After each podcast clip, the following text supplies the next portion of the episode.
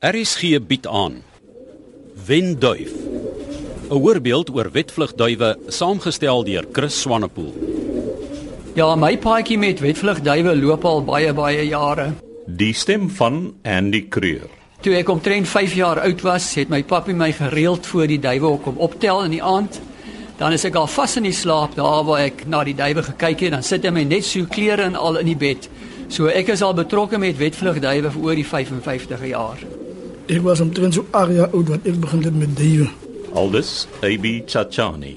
My duwe kom eintlik van Freddy Bekier af. Ons het altyd so die los duifies by Freddy gekry en dan het ons altyd so klein hokkies gehad wat ons hulle ingesit het. En dan het ons hulle maar so geteel uit en dan sit ons later want dit met 'n klomp en nou ry ons hulle uit saam met ons vriende. My pa het al die jare duwe gevlieg, sy pa ook. So toe ek nou groot geword het, het ek my die duwe in my omtrek gehad en ek het van kleins af saam met my pa as Oosthuizen en seun gevlieg. Die stem van Wessel Oosthuizen. So ek het nie veel van 'n keuse gehad nie. In watter stadium het jy by die sport betrokke begin raak? Dit is hier by 2007, 2007, 2008. Dit ek na Freddy toe gaan en van gesê ek wil duwe vlieg. Toe vra hy my of ek ernstig is, toe sê ek ja. Kyk, ek is 'n ou wat ook baie ingegooi het in daai tyd. Kyk, ons het glo aan een een bier, koop jy koop altyd 'n kus en 'n bottel. En dan koop jy van 'n kus en 'n bottel en dan geniet ons nou daai. Maar nou in die tyd, toe ek besluit nee, maar ek is nie meer tevrede met dit nie. Soet ek nou ontslaag raak van die drank. Ek het in 1995 het my pa vir my hok in Gordonsbaai gekoop met duwe en alles. Toe sit my pa dit vir my op, een kant in die erf en daar het ek begin met my eie duwe loopbaan. So dit was 'n groot kompetisie tussen ek en my pa. Elke Saterdag en sit ons alkeen en wag vir die duwe. En baie kere dan wen ek my pa en dan word ek sommer in die swembad ingestamp as ek kom wen. Toe ek nog op skool was, dit was seker maar op die ouderdom van omtrent 16 jaar waar ek toe baie ernstig begin het om self aan die wetvlugte deel te neem, nou nie met my pa se hulp soveel nie.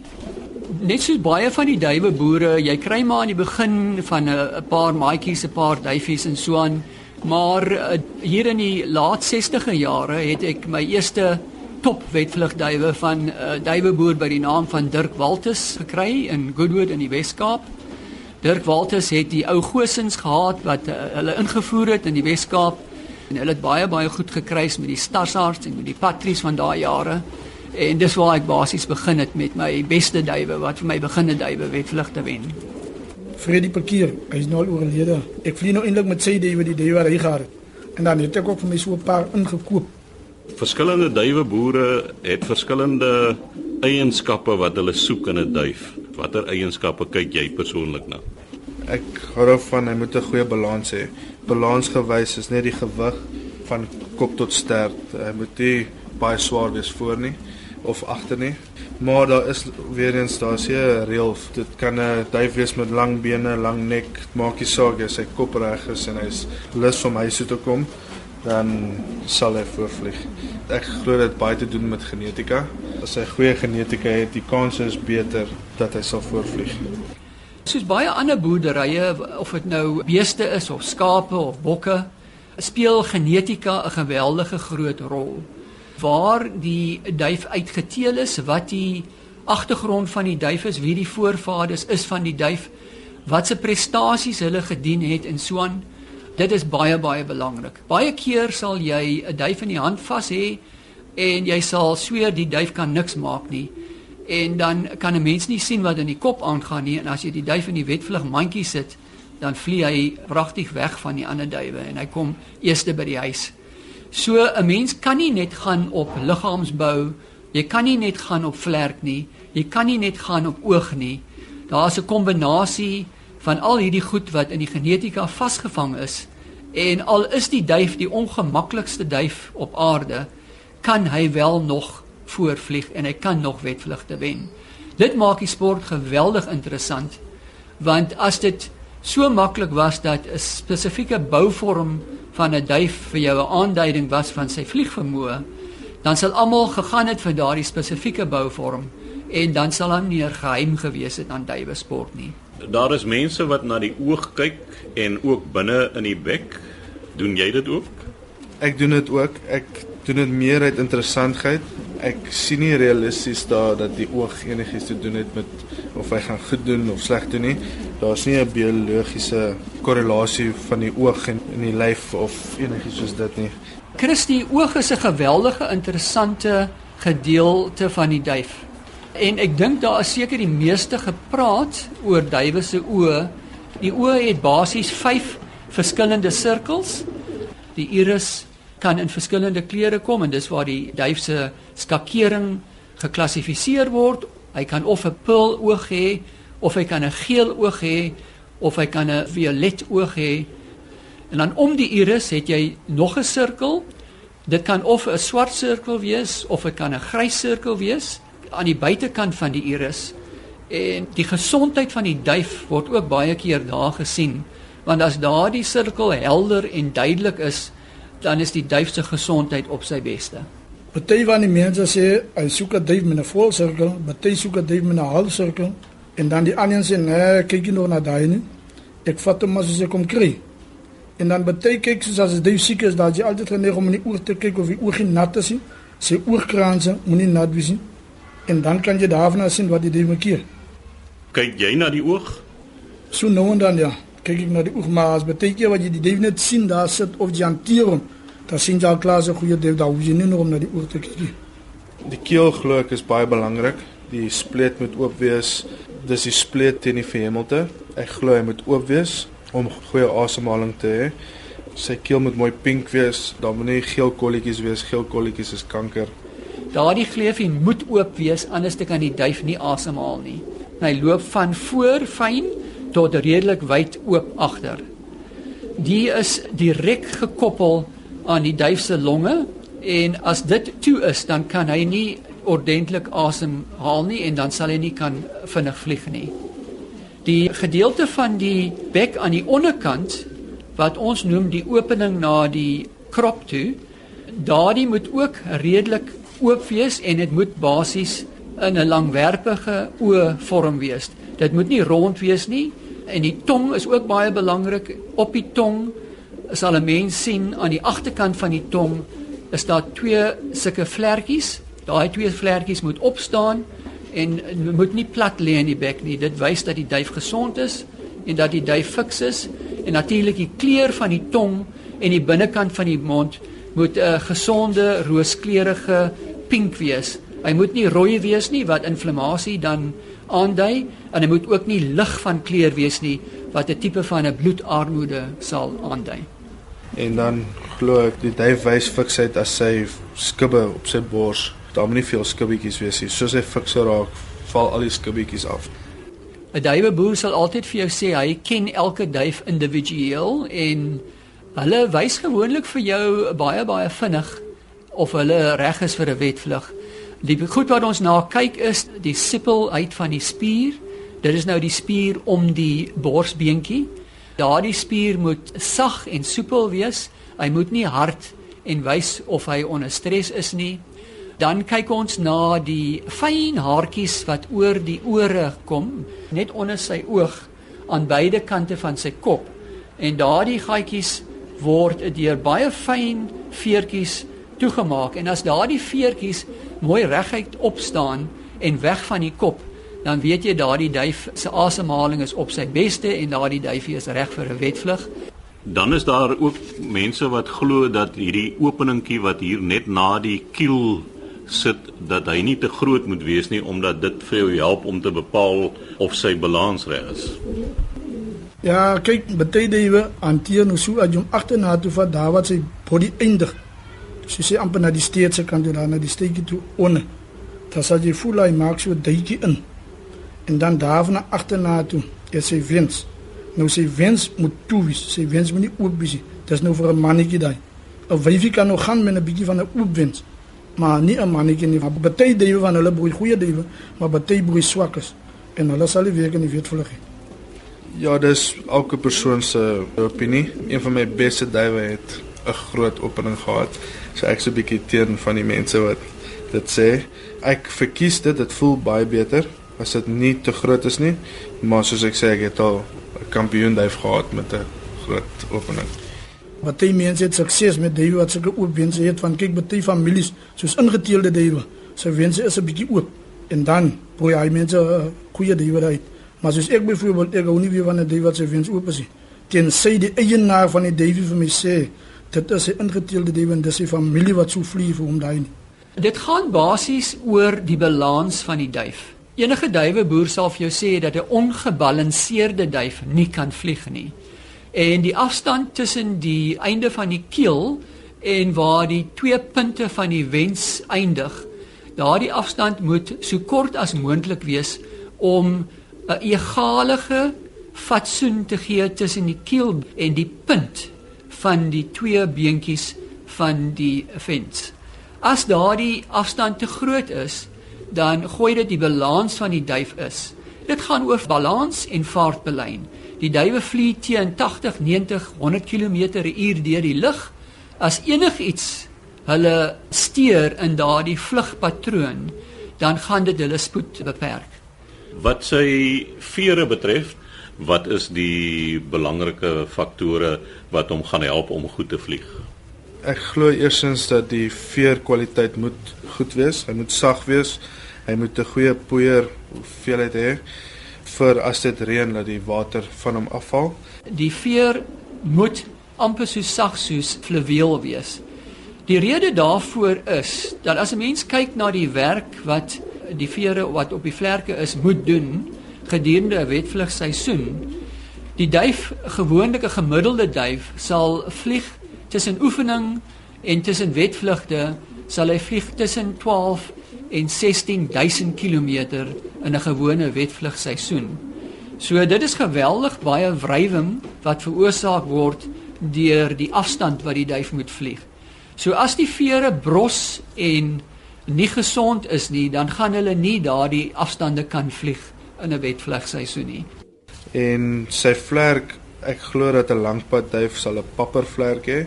Hy's meer soepel waar kort afstand duif sal 'n baie stywer vlerk hê vir kort vinnige vlerklappe.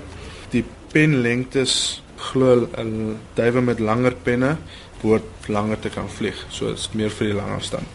Wetvlugduwe is baie soos atlete. 'n Mens sal nie 'n naloper van wat 100 meter wen kry om 'n maraton te wen nie, want sy hele bou is anders. Hy is swaarder, hy het meer spiere. Die aanvraag van die tipe wetvlug wat hy moet doen is heel anders as wat op die langpad gedoen word. Jy kry natuurlik altyd die uitsondering tot die reël. In my ervaring het ek al duwe gehad wat lang afstand wetvlugte gewen het en dan ook op 'n kort afstand op 'n baie moeilike dag wanneer die spoed 'n bietjie stadiger is, ook kom wen net, maar dit is die uitsondering tot die reël. En ek hou van daai lang resies van dit bevoordeel vir my. Hoekom? My duwe is duwe wat nou eintlik op die langpad presteer. Ek sal nie sê hulle kan nie die kort resies wen nie, maar ek het al baie kort resies gewen. Dit is as hulle oefen, maar as ek nou nie oefen dit dan dit maar staat maak vir die agterkant. Wanneer begin jy met die oefeninge en wanneer is die eerste wetvlugte? Die wetvlugte begin die eerste naweek in Junie. So my oefenprogram begin die rondom die 27ste April en dan begin ons met 'n kort oefenvlug 10 km en so stadig maar seker bou ons op tot tot met die eerste wetvlug se afstand. Ek gewoonlik hou daarvan om die duwe op die eerste wetvlug se afstand twee keer daar te kry. Die eerste tos, so die eerste training wat jy gee, begin mos eers met jou jonges wat jy mos nog gaan vlieg dan gee jy hulle nou die naaste training wat jy kan kry. Laat hulle nou kan jy so twee keer op 'n plek en dan so gaan jy al verder, al verder, al verder tot jy nou uitkom train so tot by Touwsrivier. En dan na as dit miskien nou 'n dag van wetvlug, dan begin hulle daar van Touwsrivier. Maar dit is ook belangrik om die duwe vanuit die hok te laat oefen elke dag. Daar is reg daai noem ons 'n sirkel. Soos in die oggend laat jy 'n sirkel so vir 'n uur en in die aand laat jy hom sirkel so vir 'n uur. Ek probeer hard om hulle in die begin stadig net 10 minute op 'n slag te laat uitkom en dan stadig op te bou na 'n uur toe per dag. En dan moet jy hom ook hier so maar so ontspanningstydjie gee wat hy nou kan rus. Hy is lief vir rus maar hy sal altyd sien die duiweraak hier. Maar raak hulle stil. En dan soek hulle nie sturing na by die hokkie. Dan is die hok ook belangrik, die uitleg van die hok. Die ventilasie is die belangrikste deel van die hok. Daai is baie belangrik. Daai bepaal die diep se asemhaling. Die ventilasie in jou hok moet baie goed wees. As jou ventilasie nie daar is nie, dan kan jou diep se asemhaling goed is. Dit is amper soos 'n huis as jy bedomper is en jy kry nie asem nie. Dis amper so. Posisie is natuurlik dit help net baie. Noord is gewoonlik die beste posisie om in te staan, maar anderste as jy dit kan oop en toe maak soos jy wil, toe as dit koud is, dat daar nie wind en waai nie, dit is maar die belangrikste. Met ander woorde, die hok moet noordfront. Ja, die hok met noordfront. Soos ek nog geleer het dat Vrede my geleer het, die hok ek altyd na die son opkom se kant toe. Sê soos beer se kant, die son kom ons van hy kant op, dan kry die hok mos nou die oggendson, sien? En daar is nou die oggendson wat nog goed is vir die duif. En almal se hokke face dieselfde kant toe. Party sin so jou hok sit, face hy man se hok miskien sien se kant toe, maar dan kry jy sukses uit. En soos ek nou sit kyk my hok beer se kant toe, son se kant toe, ek kry sukses uit. Die afstande van wetvlugte verskil. Wat is die kortste vlugte en hoe lank is die langste vlugte waaraan hulle deelneem? In die Wes-Kaap begin ons eerste wetvlug net aan die kant die berge. So ons sal 'n wetvlugpunt of van Touwsrivier wat 140 km van Wes-Kaap se duiweboere is of van Lensburg begin. Lensburg is 220 km. So dit is die naaste punt wat die duwe vlieg en dan die verste wat hulle heidaglik vlieg, dit wissel tussen ou duwe en jong duwe. Jou jong duwe vlieg tot op omtrent 800 km en dan die ou duwe en as ek sê ou duwe dan praat ons van duwe wat 2 jaar oud of ouer is. Hulle kan vlieg tot op afstande van 1100 km Wes-Kaap toe en dis 'n punt van Kroonstad tot in die Wes-Kaap. Vir jou vliegduwe wat aan wetvlugte deelneem, neem ek aan daar is 'n bietjie van 'n ander rantsoen wat vir hulle gegee word om meer energie te gee, ook vitamiene wat 'n bietjie bygemeng word ensovoorts. In die afseisoen kry my duwe net gewone broeimengsel, mielies en sonneblom. En in die vliegseisoen begin ons met meer gars met mielies en erte. Die erte is net daar om vir hulle proteïene om die spiere op te bou. Die mielies is daar om vir hulle energie te gee en die gars is om hulle gewig af te hou. En dan deur die seisoen probeer ons net meer speel met die mielies en erte vir die proteïene as hulle terugkom van 'n naweek af en die mielies is om vir hulle 'n kabelhou te gee vir die naweek wat voorlê. Ons wefvlug is elke Saterdag. Ons begin met 'n Vrydag mandjie aand en dan soos die pad langer raak, mandjie ons op 'n Donderdag aand. In die wetvlugseisoen is die hele idee om die duwe soveel energie te laat opbou want wetvlugduwe vlieg op wat ons noem wit vet, nie op koolhidrate nie. So in ander woorde, die proteïene inname van 'n wetvlugduif is minder as van 'n teelduif want die klem is op 'n ander tipe van oefening wat die duif doen. So ons gebruik 'n rantsoen gewoonlik van 'n kombinasie van 4 mielies op die langer pad tot 1 ertjie en dan baie van die duiweboere gebruik 'n fynkosmengsel net om weer eens daardie wit vet gehalte in die duif se liggaam op te bou en daar gebruik hulle dinge soos veral canola en dan gewone voelsaad. Dit is hoog in die regte bestanddele om 'n duif die wit vet te kan opbou in sy gestel. Ek weet daar is duiweboere wat elke keer dieselfde klere aantrek wanneer hulle met hulle duwe gaan werk. Doen jy dit ook? Ja, so, kyk as jy nou die duwe geleer het met sê met die jacket wat ek aan het met hom in die hokken gegaan het, die duwe raak gewoond aan hom. As jy nou weer in die hokken gaan met jy weer hom aan het wanneer jy nou weer met ander klere gaan, baie die was bietjie wild. Dan na da vlei lampe die hokstukken. Ek maak dit ook altyd so van baie weer wit oorpak wat land trek. En baie weer bruine. Maar ek het weer 'n jacket wat ek aantrek wat ek in die hokken gaan net om hulle bietjie te kalmeer. Een hulle kan in jou stem ook hoor. Jy moet altyd praat as jy in die hokken gaan, laat hulle kan hoor. Jy praat met hulle soos 'n mens en hulle verstaan jou. Kyk van baie van hulle as jy vir hom sê moet kom, dan kom jy sit op jou hand en dan eet jy jou hand uit. En daar is baie lekker as hulle so is en hulle is baie lief vir jou, so jy lief is vir hulle. Ja, ek het ook so ou dokters wit jas. Wanneer ons kom by die wefvlugseisoen dan dra ek dit al hoe meer in die winter. Hulle word gewoond aan my wit jas.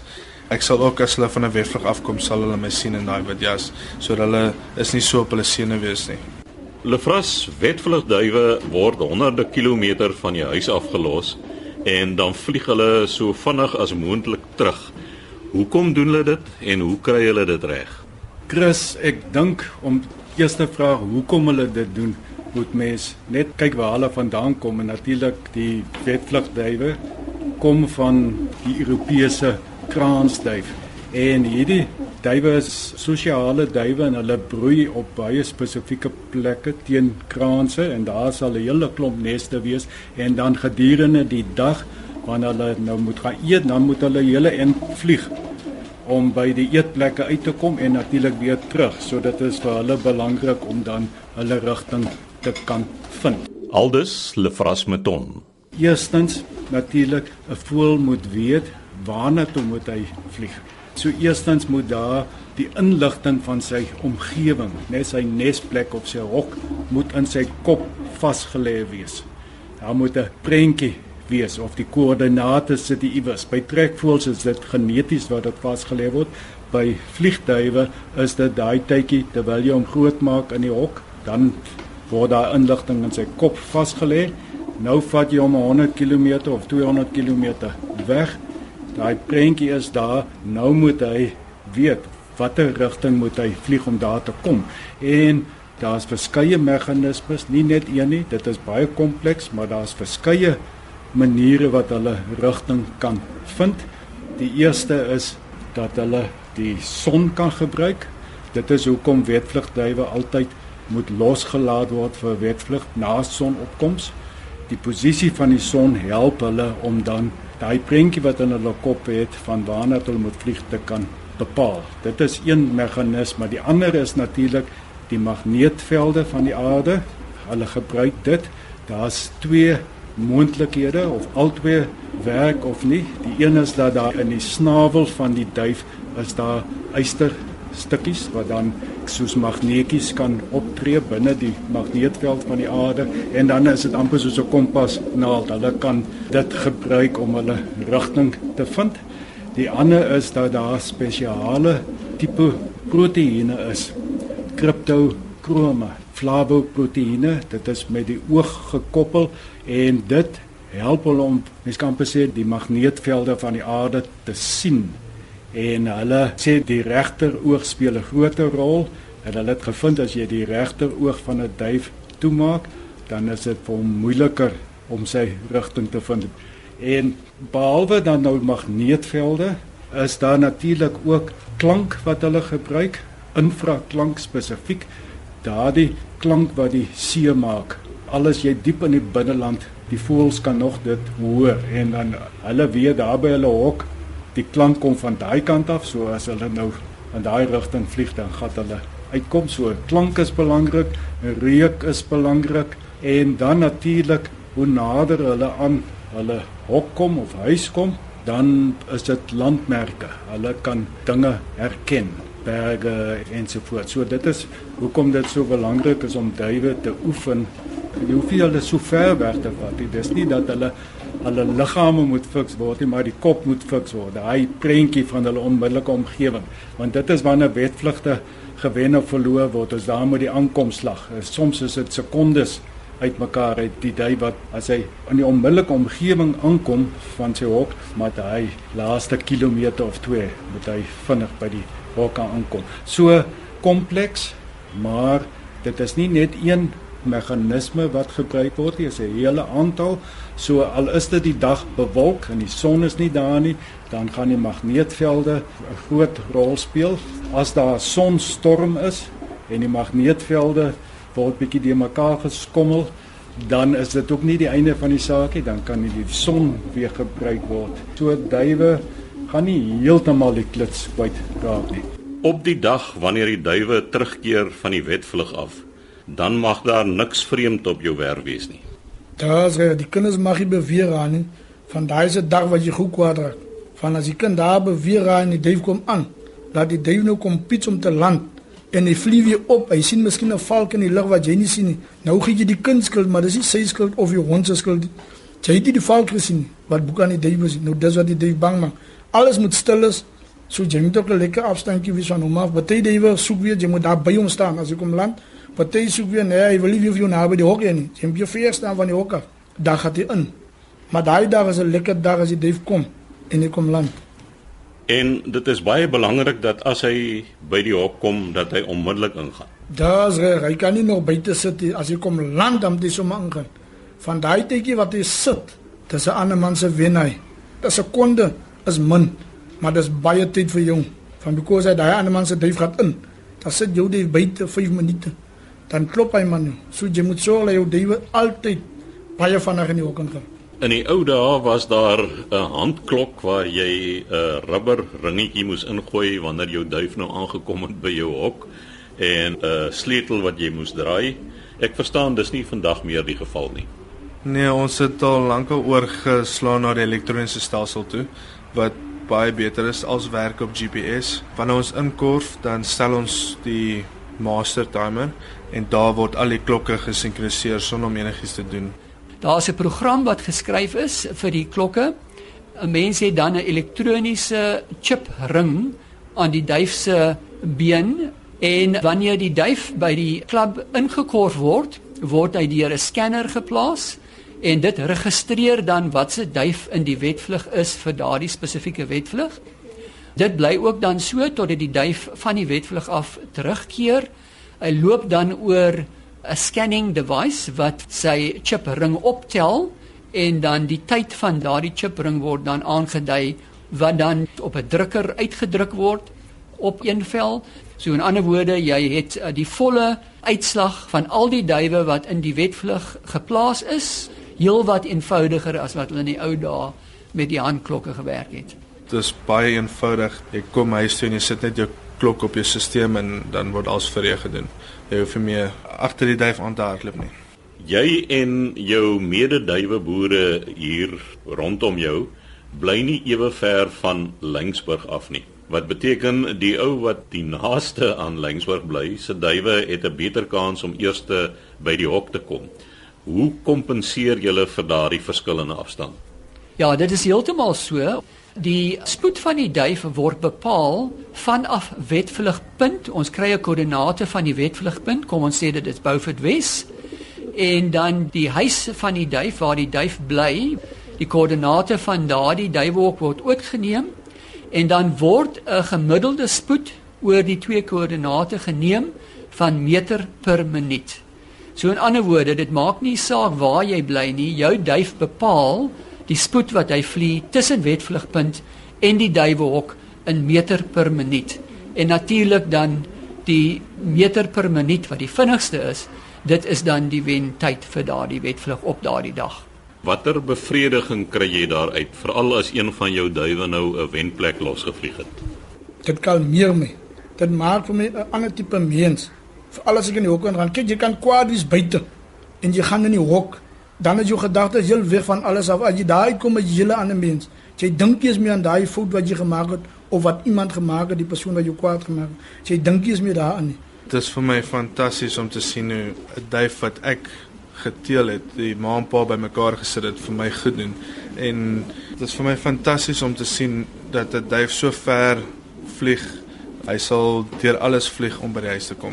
Ek dink nie enigiemand wat nie 'n duiweboer is kan besef wat die gevoel is as jy op 'n Saterdagmiddag vir duwe wag en na daardie duifie vir 5, 6, 7 tot 13 ure op die vlerk is ewe skielik sy hok sien en hy maak daai vlekkies van hom toe en hy val uit daai lug uit teen 120 km/h en hy land op die landingsbord van die duiwehok.